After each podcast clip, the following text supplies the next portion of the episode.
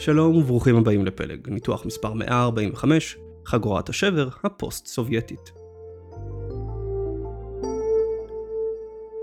הבסיס של הניתוח היום מורכב משני מושגי יסוד בתחום המחקר הגיאופוליטי, אזור התלכדות וחגורת שבר. אזור התלכדות הוא אזור גיאוגרפי הגובל בשתי מעצמות או יותר, המונח נטבע לראשונה על ידי פרופסור סול כהן המנוח. אזור התלכדות מעצם טבעו מזמין תחרות על השפעה באזור בין המעצמות השכנות לו. מזרח אירופה שאחרי המלחמה הקרה הייתה אזור התלכדות עד שרובה שולב באיחוד האירופי. כתלות בלכידות הפנימית של אזור ההתלכדות וביחסים בין המעצמות הוא עלול להפוך לחגורת שבר. חגורת שבר היא אזור בעל שני מאפיינים מרכזיים תחרות בין המעצמות לשליטה וסכסוך פעיל בין המדינות בחגורה. המעצמות תומכות כל אחת בצד אחר בסכסוך, מה שמגביר את עוצמת הסכסוך ומעריך אותו. אנחנו כישראלים חיים בחגורת שבר אחת, חגורת השבר של המזרח התיכון. רוסיה וסין, ארה"ב והאיחוד האירופי, כולם מעורבים כאן ותומכים בצדדים שונים של הסכסוכים המקומיים הרבים שיש לנו. יהודים נגד מוסלמים, ערבים נגד כורדים, שיעים נגד סונים. בתחילת המלחמה הקרה החלוקה הייתה חדה יותר. ברית המועצות עם הערבים, ארה"ב איתנו. עם השנים הקווים היטשטשו והיום המעצמות לא תומכות בצד אחד בלעדית, גם אם הן מזוהות עם צד אחד יותר. רוסיה עם איראן, ארה"ב עם ישראל. חגורת שבר אחרת היא הבלקן לפני מלחמת העולם הראשונה. סכסוכים בין הסרבים והבולגרים ובין הסרבים והאוסטרים הועצמו על ידי התערבות של מעצמות כמו רוסיה, בריטניה והאימפריה העות'מאנית. התערבות המעצמות העצימה את הסכסוכים, ולבסוף חגורת השבר היא שגררה את המעצמות למלחמת העולם הראשונה. חגורות שבר מתאפיינות בחוסר יציבות רבה חברתית, ביטחונית, פוליטית וכלכלית. צדדים יריבים מחפשים תמיכה של מעצמות זרות שנותנות להם אמצעי לחימה, תמיכה כלכלית ותמיכה דיפלומטית. התמיכה המעצמתית מעריכה ומעצימה את הסכסוכים בחגורה. הסכסוכים לא מאפשרים לחגורה לממש את הפוטנציאל הכלכלי שלה ועלולים להפוך אותה למוקד יציבות בפריפריה של המעצמות. חישבו לדוגמה לפליטים מסוריה או רשתות הטרור שפועלות באפריקה שמתחת לסהרה, חגורת שבר אחרת. הסכסוכים מבטיחים את התלות של הצדדים במעצמות הזרות מה שמחליש את האינטרס שלהן לייצב את החגורות מלכתחילה. המעצמות גם עלולות להתקשות לעבוד יחד אם התחרות ביניהן עזה. כל אחת חוששת שהשנייה תשיג יתרון מעיצוב החגורה, והתחרות ביניהן גורמת לכל מעצמה להסתכל על הסכסוכים האזוריים מתוך נקודת המבט של הסכסוך המעצמתי הגדול יותר. זו הסיבה שארצות הברית תמכה במוג'הדין באפגניסטן, ובקונטרס מיליציות אנטי קומוניסטיות אלימות בניקרגואה. ההשלכות על יציבות אפגניסטן ומרכז אמריקה פחות עניינו את וושינגטון מהמלחמה בקומוניזם העולמי. חגורות שבר הן בקצרה שריפות שמתדלקות את עצמן. דיברנו עליהן כבר בעבר בהקשר לגיאוגרפיה של יציבות. הן משמשות בסיס נוח לארגוני טרור ופשע, מייצאות פליטים ולרוב יכילו מדינות סוררות שיערערו את הסדר הבינלאומי.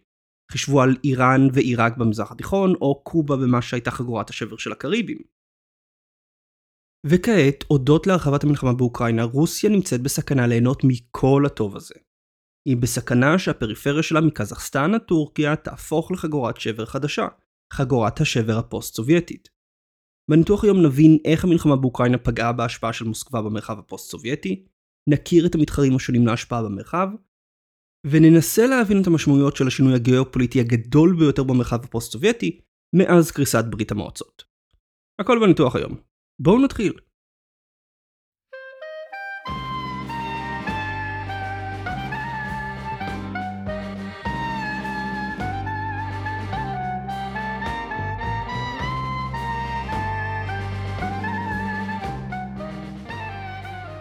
ב-1989 הגוש הסובייטי קרס. מדינות מזרח אירופה שהיו עד אז נתונות לשליטתה של מוסקבה, השתחררו. ב-1991 התפרקה ברית המועצות, יוצרת כתריסר מדינות חדשות, ביניהן הפדרציה הרוסית החדשה. התפרקות ברית המועצות הייתה אירוע גיאופוליטי משמעותי משום שהיא הביאה לסופה את האימפריה הרוסית ששלטה על המרחב האירו-אסייתי מאפגניסטן עד גרמניה במשך כ-200 שנה. לפתע האזורים שהיו תחת שליטתה של האימפריה נולדו מחדש. במזרח אירופה כמעט כל המדינות החדשות שולבו בגוש המערבי עם דרך נאט"ו ועם דרך האיחוד האירופי. רוב מדינות האינטרמריום, האזור שבין הים הבלטי והים השחור, הן היום חברות בברית האטלנטית ובאיחוד האירופי. החריגות היחידות הן אוקראינה, בלארוס ומולדובה. הניתוח הנוכחי לא עוסק בגורלו של האזור הזה, שרובו לא נתון בסכנה להפוך לחגורת שבר הודות לעובדה ששולב בגוש המערבי. בקווקז קמו אזרבייג'אן, ארמניה וגיאורגיה. האזור עליו השתלטה הצארות הרוסית במאה ה-19 הפך פתאום שוב שטח פתוח להשפעה איראנית, טורקית ומערבית. ארמניה שמרה ועדיין שומרת על קשר הדוק עם מוסקבה. ארמניה היא המדינה היחידה באזור שמארחת כוחות צבא רוסים. גיאורגיה, מאז מהפכת הוורדים בשנת 2003, מעוניינת להצטרף לגוש המערבי. ואזרבייג'אן נמצאת לא פה ולא פה. היא לא תלויה כמו ארמניה ברוסיה, והיא נוקטת מדיניות חוץ עצמאית מהקרמלין. מצד שני, אזרבייג'אן מעולם לא נקטה קו אנטי רוסי מובהק, והיא שומרת על קשרים טובים עם מוסקבה. במרכז אסיה קמו הרפובליקות החדשות של קזחסטן, אוזבקיסטן, טורקמניסטן, טאג'יקיסטן וקירגיסטן. מכל החלקים השונים של המדינה הסובייטית, כנראה שעבור מרכז אסיה התפרקות ברית המועצות הייתה הכי משמעותית, משום שהאזור עוצב באופן העמוק ביותר על ידי הנוכחות הסובייטית. הרוסים הכריחו את תושבי מרכז אסיה לוותר על אורח החיים הנוודי שלהם, והשקיעו בתיעוש האזור במהלך מלחמת העולם השנייה. כשהיטלר התקדם במערב רוסיה, מפעלים רבים הועתקו למרכז אסיה בשביל להרחיק אותם מהנאצים. הודות לגיאוגרפיה ולתשתיות שהקימו הסובייטים גם לאחר התפרקות ברית המועצות, מרכז אסיה נותרה תלויה ברוסיה. היא נעולה יבשתית מעולם, עם גוף המים היחיד המשמעותי הוא הים הכספי שמהווה בעצם ימה. כדי לסחור עם העולם החיצון, המדינות של מרכז אסיה חייבות לעבור דרך מדינות אחרות, בעיקר דרך רוסיה. תשתית התחבורה באזור שהוקמה תחת השלטון הסובייטי נועדה לקשר את האזור לרוסיה ולקשר בין הרפובליקות הסובייטיות השונות בו. עם התפרקות ברית המועצות נוצרו בעצם שתי בעיות. הראשונה היא שאין מספיק חיבור של האזור לשאר העולם, לדוגמה למזרח התיכון, למזרח אסיה ודרום אסיה. החיבור לאירופה נעשה בעיקר דרך רוסיה. הדבר הבטיח את השפעתה של מוסקבה וגם פגע בצמיחה של האזור. היום מדינות מרכז אסיה משקיעות משאבים רבים בשביל לשנות זאת. לדוגמה על ידי קווי רכבת וכבישים דרך איראן לים הערבי והאוקיינוס ההודי, או קווי נפט וגז טבעי לאירופה שיעקפו את הרוסים. הבעיה השנייה היא שמה שהיה פעם רצף אדמיניסטרטיבי אחד תחת השלטון הסובייטי הפך למספר מדינות שאין ביניהן תיאום כלכלי או מסחרי. כביש שפעם עבר כולו בישות אחת בברית המועצות לפתע עובר דרך שתיים או שלוש מדינות. התשתיות הישנות שחיברו את המדינות זו לזו מתקשות לפעול תחת הגבולות החדשים, שהם מהווים חסמים על הסחר הבין מדינתי באזור ומגבילים את היכולת של המדינות לסחור עם שאר העולם. לדוגמה אוזבקיסטן נעולה יבשתית פעמיים ותלויה במדינות כמו קירגיסטן או טורקמיניסטן בשביל קשר לעולם החיצון. עד המלחמה באוקראינה רוסיה נתפסה כשריף של המרחב הפוסט-סובייטי, במיוחד של מרכז אסיה. מעמד השריף נובע קודם כל ממיקומה וגודלה של רוסיה עצמה.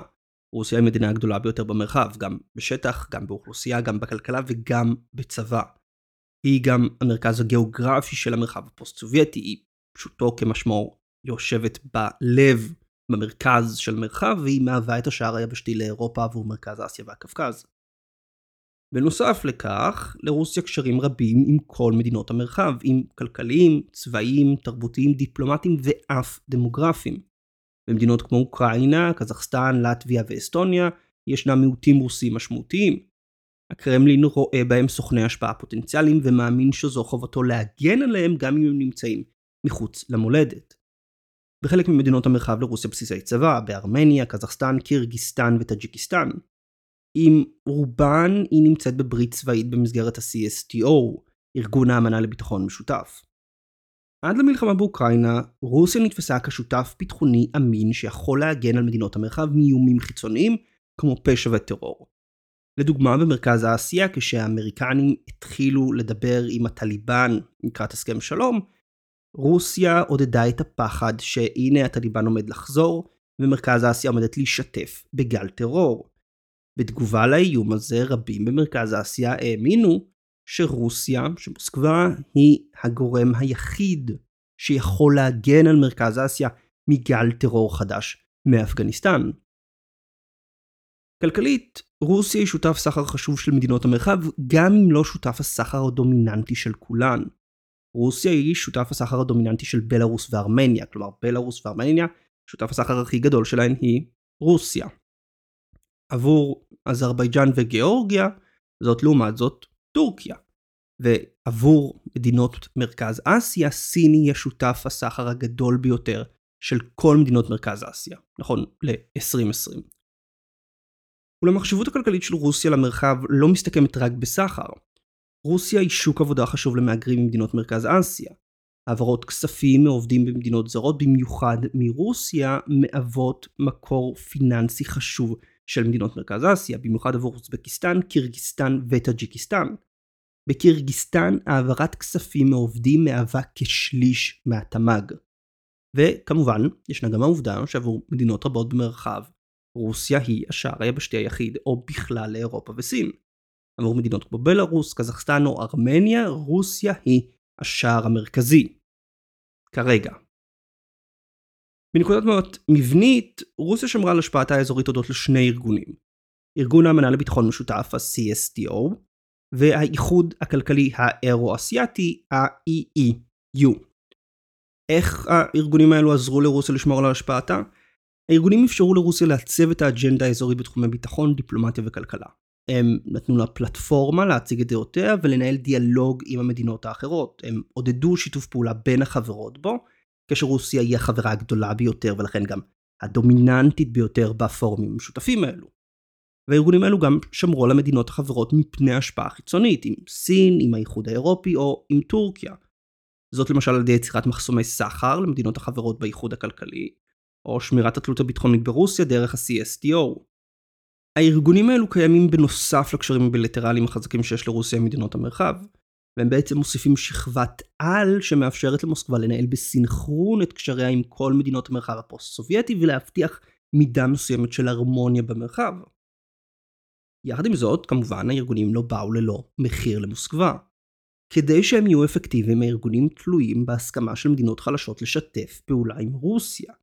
ולשם כך רוסיה צריכה להיתפס כמעצמה לא מאיימת, בשביל לא לעודד את המדינות החלשות לחפש קשרים עם מעצמות אחרות ולהגן על עצמן מהרוסים. אם אני ארמניה או קזחסטן, אני אהיה חבר בארגון צבאי עם מוסקבה רק תחת ההנחה שמוסקבה היא לא איום עליי. אני אהיה מוכן לתאם את המדיניות הכלכלית שלי עם הקרמלין רק בהנחה שתיאום כזה יהיה טוב לי. הודות לארגונים האלו, לקשרים הכלכליים, הצבאיים והתרבותיים במדינות המרחב, לרוסיה הייתה השפעה רבה בו על אף כניסתן של מעצמות מתחרות. סין מזה כ-20 שנה מגדילה את השפעתה הכלכלית במרכז אסיה והיא היום שותף הסחר הגדול ביותר של האזור. הסינים חדרו לאזור בשביל משאבי הטבע הרבים שלו, במיוחד משאבי אנרגיה, ושימוש בו כחוליה מקשרת בין סין ואירופה. בשנים האחרונות, עקב לחץ מקומי, הסינים גם החלו להקים מפעלים שמעסיקים עובדים מקומיים, מנצלים את כוח העבודה הזול של האזור. מעצמה אחרת שחדרה גם היא למרכז אסיה לפני 20 שנה ועדיין מעוניינת בהשפעה בו היא ארצות הברית. האמריקנים חדרו למרכז אסיה בתחילת שנות האלפיים במסגרת הפלישה לאפגניסטן, הם קיבלו בסיסים במדינות מרכז אסיה בשביל אספקה לקוחות שם. גם לאחר הנסיגה מאפגניסטן האמריקנים מעוניינים בחיזוק הקשרים שלהם עם מדינות האזור. וסיבה אחת היא עדיין אפגניסטן. בשביל איסוף מודיעין ותקיפת מטרות טרור ארה"ב צריכה שיתוף פעולה טוב יותר עם השכנות של אפגניסטן. היא אולי גם תצטרך בסיסים צבאיים באזור כדי לתקוף מטרות. מעצמות נוספות שמעוניינות בהשפעה במרחב הן טורקיה, איראן והאיחוד האירופי. לאיחוד קשרים כלכליים ודיפלומטיים עם גיאורגיה, אזרבייג'אן וארמניה, והוא מכיר בפוטנציאל האנרגטי של מרכז אסיה, משהו שנגענו בו כבר בניתוח קודם על הים הכספי. טורקיה רואה בקווקז ומרכז אסיה חלק מהעולם הטורקי, גוש על-לאומי חדש, שיהיה הבסיס עליו טורקיה תעמוד כמעצמה גדולה חדשה. לאיראן קשרים היסטוריים עם חלק מהרפובליקות של מרכז אסיה, קשרים ביטחוניים עם ארמניה, וכפי שנראה, קשרים כלכליים מתרחבים עם האזורים המוסלמים ברוסיה עצמה, בתמיכתה של מוסקבה. על אף זאת, על אף הנוכחות של מעצמות מתחרות, לרוסיה הייתה את הדומיננטיות במרחב הודות לכל אותם קשרים וארגונים. עד למבצע המיוחד, לרוסיה היה את מעמד השריף במרחב. אבל עם המלחמה באוקראינה, אנחנו רואים פגיעה בדומיננטיות של רוסיה במרחב, פגיעה שמאיימת להפוך אותו לחגורת שבר חדשה.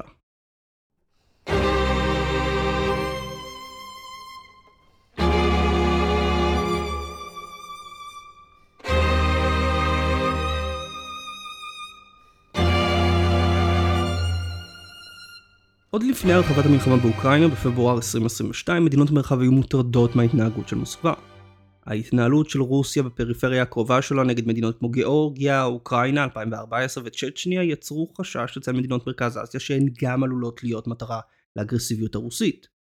ישראל לדוגמה הפכה לספק הנשק המרכזי של אזרבייג'אן כשנתיים לאחר הפלישה לאוקראינה ב-2014. אם הפלישה הייתה הסיבה המרכזית, אינני יודע, אך סביר שאחת הסיבות להחלטה של אזרבייג'אן להגדיל את היבוא הביטחוני מישראל הוא כדי להקטין את התלות ברוסיה. הרחבת המלחמה השנה הגדילה את הפחד של מדינות המרחב ופגעה ביכולת של רוסיה להשפיע עליהן. אנחנו יכולים לחלק את הפגיעה לפי שני ארגוני המפתח של רוסיה שציינו קודם, ה-CSTO וה-EEU. בהקשר ל-CSTO, מדינות מרכז אסיה מוטרדות מהפלישה הרוסית לאוקראינה והפגיעה בריבונות של הרפובליקה הסובייטית לשעבר. הן סירבו לתמוך בפלישה או להכיר במחוזות העצמאיים של דונבאס שרוסיה סיפחה. העובדה שהן חתומות על אמנת ביטחון משותף עם רוסיה לא מרגיעה אותן. כך לדוגמה קזחסטן, חברה גם ב-CSTO וגם ב-EU, מעוניינת למצוא שותפים ביטחוניים וכלכליים חדשים. עבור הקזחים מה שקורה באוקראינה מטריד במיוחד משום שגם לקזחסטן מיעוט רוסי גדול שנמצא בצפון המדינה. מה מבטיח להם שאחרי הסיפור של מזרח אוקראינה לא יגיע תורו של צפון קזחסטן? שנית, המשאבים הצבאיים של רוסיה מושקעים באוקראינה ולא ברור אם יש לה יכולת לעזור לחברות ה-CSTO במשבר.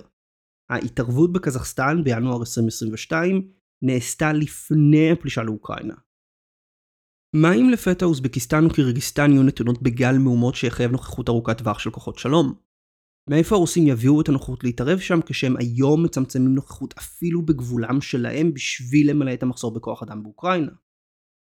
וזה כמובן בהנחה והרוסים ירצו בכלל להתערב.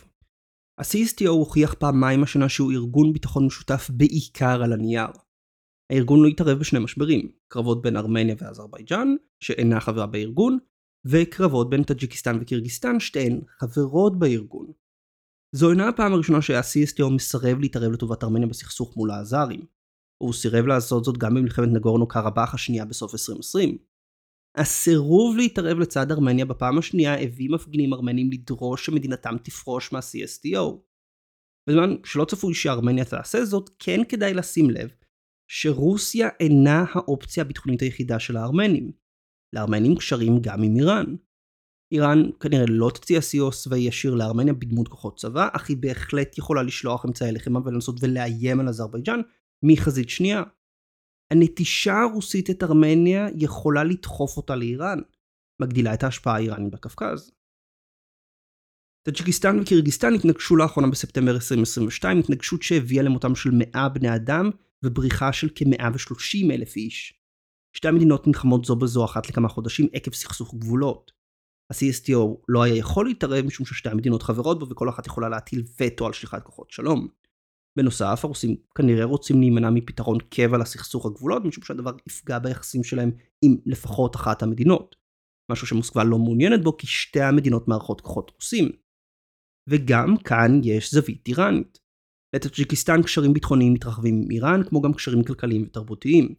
הטאג'יקים, בניגוד לרובע ממרכז אסיה, הם פרסים, לא טורקים. איראן במאי 2022 פתחה מפעל מל"טים במדינה. סביר להניח שטאג'יקיסטן תרצה להגדיל את שיתוף הפעולה הביטחוני עם איראן כדי להשיג יתרון על קירגיסטן, ומתוך הבנה שמוסקבה לא תבוא לעזרתה. בתחום הכלכלי, הקשור ל-EU, הסנקציות על רוסיה מסכנות מדינות מרכז אסיה שתלויות מצד אחד בהשקעות ומסחר עם המערב, ומצד שני רוסיה היא השער המרכזי שלהן לאירופה. הן משתמשות בחברות רוסיות כמתווך למערב, אם בהעברה של תשלומים או לוגיסטיקה. הסנקציות מחייבות אותן להעריך מחדש את הקשרים עם הכלכלה הרוסית ומקרה הצורך ליצור נתיבים חדשים, עוקפי רוסיה. הסנקציות גם פוגעות בכלכלה הרוסית ישירות, מקטינות את המשיכה הגם ככה קטנה שהייתה לה. כפי שציינתי למעט בלארוס וארמניה, רוב מדינות המרחב סוחרות יותר עם טורקיה או סין מאשר עם רוסיה. היחלשות כלכלית של מוסקבה רק תחזק את המגמה.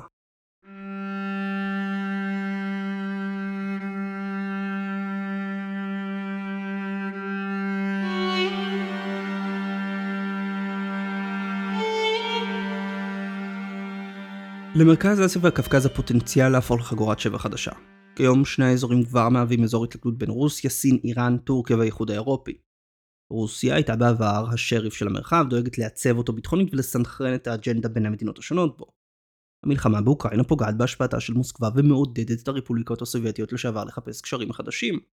הן מושכות מעצמות אחרות ומכניסות למרחב תחרות בין מעצמתית. כמובן, כפי שציינו, לא די בתחרות בין מעצמות כדי להפוך אזור התלכדות לחגורת שבר. דורשים גם סכסוכים פנימיים באזור. יש לנו כבר לפחות שני סכסוכים פעילים, אזרבייג'אן, ארמניה, טאג'יקיסטן, קירגיסטן. לאלו יש להוסיף את הפוטנציאל לערעור חברתי של מרכז אסיה שיכול להוביל למהומות, מלחמות אזרחים וגל טרור. איך? המצב הסוציו-אקונומי במרכז אסיה הוא עדין. מצד אחד הדמוגרפיה צעירה ומשכילה. מצד שני הכלכלה מושחתת ובלתי יעילה. הדבר קשור להיעדר חופש פוליטי ומבנה פוליטי אוטוקרטי ברוב מדינות האזור. קל לקבוצות קרובות לשליט להשתלט על חברות ומשאבים ולנהל אותן כראות עיניהן. דוגמה אחת לכך היא קזחסטן, בה מקורבים לנשיא לשעבר נזרבייב השתלטו על חלקים נרחבים של הכלכלה. ללא רפורמות כלכליות ופוליטיות, הצמיחה הכלכלית במרכז אסיה תדעך לאורך זמן. היעדר צמיחה כלכלית ותעסוקה לצעירי מרכז אסיה עלולה להוביל לחוסר יציבות חברתית ורדיקליזציה דתית. כבר היום רדיקליזציה אסלאמית קיימת במרכז אסיה. המשטרים האוטוקרטיים או האוטוקרטיים למחצה מנסים רפורמות שוק, אך רובם עדיין נשענים על ייצוא של משאבים כמקור הכנסה מרכזי. רפורמות שוק גם לא בהכרח יעזרו לתמיכה הכלכלית, מפני שמה שהם יעשו זה פשוט להפריט עסקים שמקורבים ישתלטו עליהם.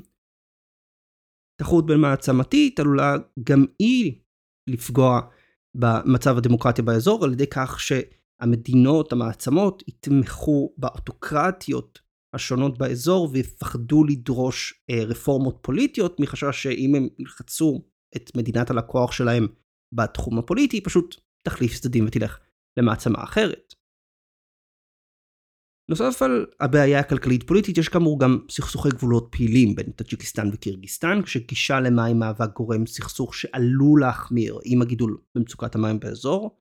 בקווקז יש סכסוך גבולות בין אזרבייג'אן וארמניה, האזרים מעוניינים בהקמת מסדרון ישיר לטורקיה והפיכתם למוקד לוגיסטי חדש באסיה המערבית, וגיאורגיה לא השלימה עם העצמאות של אבחזיה ודרום אוסטיה. כל אחד מהסכסוכים האלו יכול להידלק, חלקם נדלקים כל כמה חודשים, וכאשר הם נדלקים, יש עניין למעצמות זרות להיכנס ולתמוך באחד הצדדים הלוחמים. בין המעצמות השונות שנמצאות באזור, איראן ראתה בחודשים האחרונים את ההתחזקות המשמעותית ביותר שלה. והמפתיע הוא שרוסיה היא שמחזקת את ההשפעה האיראנית. רוסיה העניקה לאחרונה לכלי שיט איראנים גישה לנמלים בוולגה כחלק מנתיב צפון דרום בין רוסיה והודו.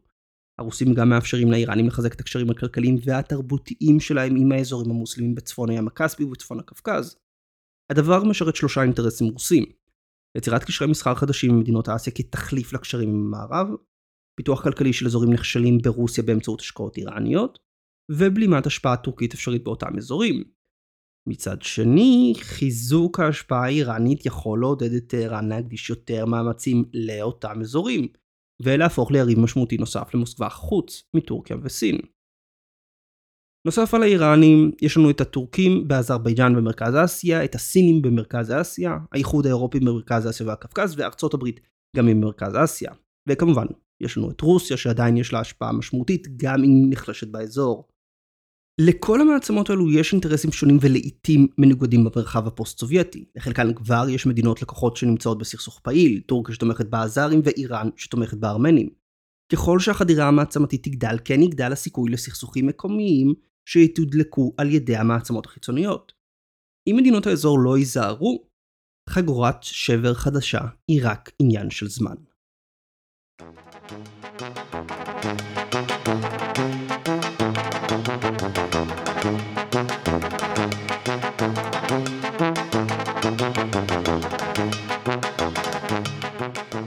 מהן המשמעויות וההשלכות של הדינמיקה החדשה במרחב הפוסט-סובייטי?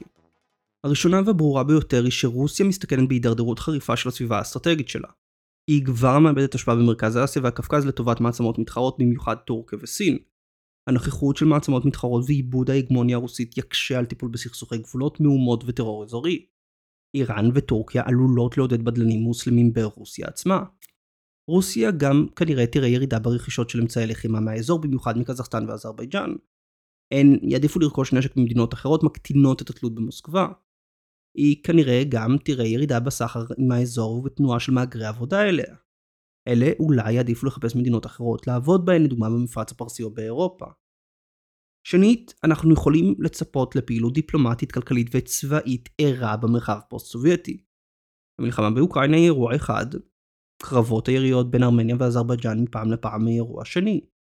כדאי גם לעקוב אחר מתחים בין המיעוטים הרוסים והקזחים ומתחים אתניים באוזבקיסטן וקירגיסטן. סביר שנראה הסכמים כלכליים חדשים נחתמים בין מדינות התחום לארצות הברית, אירופה, סין, טורקיה, הודו ועוד. שלישית, ישראל לא יכולה להמשיך ולנהל מדיניות חוץ שחסרה מסגרת גיאו-אסטרטגית כוללת לאירואסיה. ישראל כיום חושבת על המזרח התיכון ואירופה כשתי זירות שונות. היא כמעט ולא חושבת על הקווקז ומרכז אסיה. כל הזירות האלו קשורות והקשרים ביניהן רק התחזקו. כפי שמראה לנו המלחמה באוקראינה, איראן ואוקראינה אינן סוגיות נפרדות. המלחמה של מוסקבה נגד קייב מציעה הזדמנויות אסטרטגיות חדשות לטהרן. אזרבייג'אן היא לא רק ידידה לגבול האיראני, היא גם השער של טורקיה למרכז אסיה ולהשפעה גדולה יותר בעולם. היא גם כוח אזורי עולה בקווקז. האם ישראל רוצה להמשיך ולתמוך במדינה כזו? אם כן, מה היתרונות? אם לא, למה לא? מרכז אסיה, הקווקז ואוקראינה יהפכו לתחום גיאופוליטי חדש שיתאפיין בתחרות על השפעה בין רוסיה ומעצמות מתחרות. בין מדינות התחום ייווצרו קשרים כלכליים וצבאיים חדשים. פעילות המעצמות תושפע מהנעשה בכל התחום ולא רק במדינה ספציפית בו. לדוגמה, האיחוד האירופי, אוקראינה ומרכז אסיה. האיחוד תומך באוקראינה נגד רוסיה, ומשום כך רוסיה פוגעת באספקת האנרגיה אליו. בתגובה האיחוד מגדיל את יבוא האנרגיה ממרכז אסיה ומעוניין להגדיל את הקשרים עם האזור. וחלק מהגידול בקשרים כנראה יהיה בצורה של מכירה של אמצעי לחימה. אה, צרפת, ספרד כבר נוכחות באזור, יכול להיות שגם גרמניה תיכנס. כלומר, המלחמה באוקראינה מביאה את האיחוד האירופי, את המעצמות האירופאיות, לחדור למרכז אסיה. איראן וטורקיה גם הן כנראה ירצו להגדיל את ייצור של אמצעי לחימה לתחום, והגדלת שיתוף הפעולה הכלכלי והביטחוני עמו. הדבר עלול לתת הקלה כלכלית מסוימת לאיראן ולפתוח נתיבים חדשים לעקיפת סנקציות. עבור טורקיה זאת תהיה הזדמנות נוספת לחזק את התעשייה הביטחונית שלה ולהגדיל את השפעתה הדיפלומטית. האינטרס הישראלי הוא בייצוב ופיתוח של האזור, גם כדי למנוע מרחב השפעה לאיראן וטורקיה, וגם משום החשש לרדיקליזציה של האוכלוסייה במרכז אסיה שיכולה להזין גל טרור חדש. אנחנו לא רוצים לראות את מדינות התחום הפוסט-סובייטי, המדינות החילוניות ברובן, נופלות. אנחנו בטח לא רוצים לראות אותן הופכות למשטרים ידידותיים לטהרן. אבל מה ישראל יכולה לעשות? לכאורה אנחנו מדינה קטנה. אנחנו יכולים לעבוד עם בעלי ברית שכבר נמצאים שם. האיחוד האירופי, ארה"ב ונאט"ו כבר פעילים בתחום הפוסט-סובייטי. הם פועלים במסגרות ויוזמות שונות בשביל לקדם ביטחון משותף, פיתוח אנושי, מאבק בשינוי האקלים ועוד. ישראל יכולה להשתלב במאמצים האלו. לדוגמה באמצעות הידע שלנו בטכנולוגיות מים והתמודדות עם מדבור, אה, טכנולוגיות ועזרה בפיתוח של הון אנושי, סביבת יזמות וכדומה. כמובן, מתיחות במרחב הפוסט-סובייטי גם תביא לביקוש גובר לאמצעי לחימה, ציוד לטיפול בהפגנות ומערכות מודיעין לניטור גבולות ואיומים במרחב הסייבר. אזרבייג'אן וקזחסטן הן כבר שתי רוכשות גדולות של אמצעי לחימה בקנה מידה עולמי, אליהן סביר שיצטרפו אוזבקיסטן עם הכלכלה התעשייתית הצומחת שלה וטורקמניסטן העשירה בגז טבעי. במיוחד המרחב הפוסט סובייטי יכול להיות שוק חדש למל"טים ומזל"טים ישראלים, מולם לרוסיה אין מוצר שווה.